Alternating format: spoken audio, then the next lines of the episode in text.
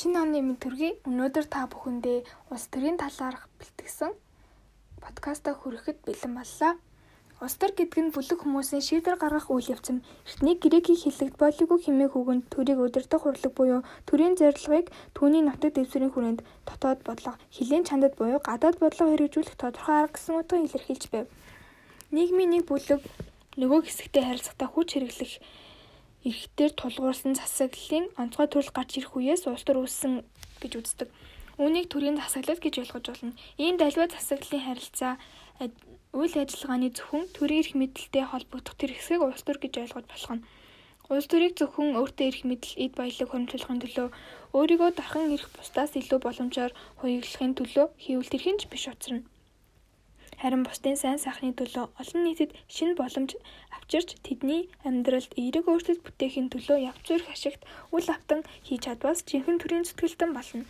Өнөөдөр бидний их орон ямар нөхцөлд байгааг сонсогчдаа сайтар мэдэж байгаах бидэнд төрийн зүтгэлтэн байна уу? Бидэнд шудраг гэж үнэлэгдсэн ясны улс туршид яг хэд байна вэ? Монгол улс төрийн тавцанд улс төрийн амьтдууд хэр олон байгаа бол Олон нийт ард иргэдийн бухимдал, шүүмжлэл тэднийг дэмжихээс илүүтэйгээр мэдлэг сул, суур боловсрол муу, чадвар тааруу, амин хуваа хичээсэн, таалагдах гэж хоосон ярьсан шудраг бус хариуцлагагүй гэсэн тодтголуудыг хийх нь нэмэгдэж байна. Шинэ хандлага, шинэ үзэл баримтлал, шинэ алсын хараа, цоон шин манлайлал, хамтын ажиллагаа, ойлголцол, эм нэгдэл бидэнд хэрэгтэй хуучин машины гадаргууг шинэ будгаар будаад хоол явахгүй моторыг нь сулах ядчил оныг нь залуужуулж хүч чадлыг нь нэмэх шаардлагатай. Жишээ нь манай улс парламентын засаглалтай улсыг хууралсай дарга гээд бүгд эрх мэдэл хувийн эрх ашигын төлөө явдаг. Яавал улан баяжгүй юу хийвэл илүү өндөр эрх мэдэлд хүрэх үү гээд хинч яг үндэ ард иргэдийн төлөө юу хийвэл болох уу? Яавал улс орноо илүү сайжруулах уу гэж бараг боддог байх. Энэ мэтээр ард иргэдэг улам хүнд байдалд оруулсаар байна. Үүний нэг жишээ бол сонгуул. Сонгуул нь санал хураалт хийх замаар улс төрийн сонголт хийхийг хэлнэ. Сонгоо сонгогдох гэсэн хоёр үйлгийг илэрхийлдэг ба сонгуулийн үр дүнд улс төрийн нам бий болно. Сонгох болон сонгогдох эрхтэй. Гэтэ үүнд шалгуур байх ба сонгуулийн санал өгсөн 18-наас хүрсэн байх шаардлагатай. Харин зарим улсад 21 болон 22 хүрсэн байх шаардлагатай. Мөн эрх зүйн эрх зүйн чадамжтай байх шаардлагатай. Манай улсад 18 нас хүрсэн бол та сонгуул өгч болно гэсэн. Нэр дэвшигчид өөрсдийн ажлын тайлан цаашаа жөө хийх ард түмэндээ тайлхнадаг.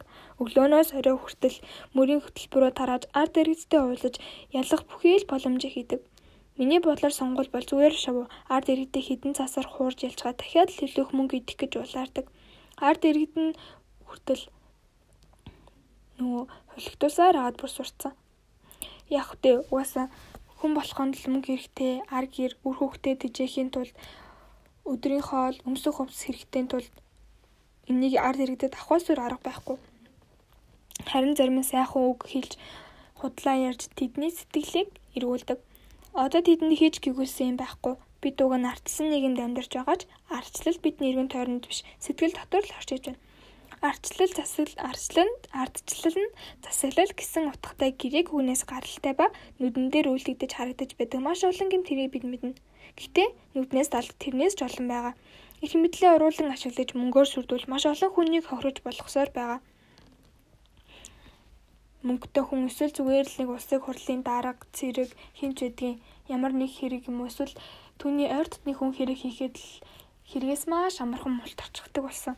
Ийм цаг үе ирсэн нь үнэхээр харамсалтай. Арчлал нь хүний эрх гээд чи юу хүснээ хийж болно гэсэн биш. Хуулиар зөвшөөрөгдсөн байх ёстой.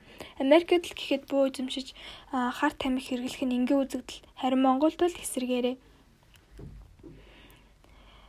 Чи одоо үгүй та Америк одоо хин нэг нэг буу эзэмших хэрэгтэй байлаа гэд хин нэгэн чиний дуруу хүргэсэн гэд тэр хүний амь насыг шууд тохироож болохгүй. Энэ нь нэг хүний эрх нөгөө хүний эрхээр зөрчигдөж байна гэсэн үг. Тэр хүн ч бас амьд явах хэрэгтэй. За ингээд өнөөдрийнхөө подкастыг Линкольны хэлсэн арчлал нь ард түмний сонгогдсон ард түмний өөрсдийнх нь засаглал юм гэх өгүүлбэрээр өндөрлөе. Баярлалаа.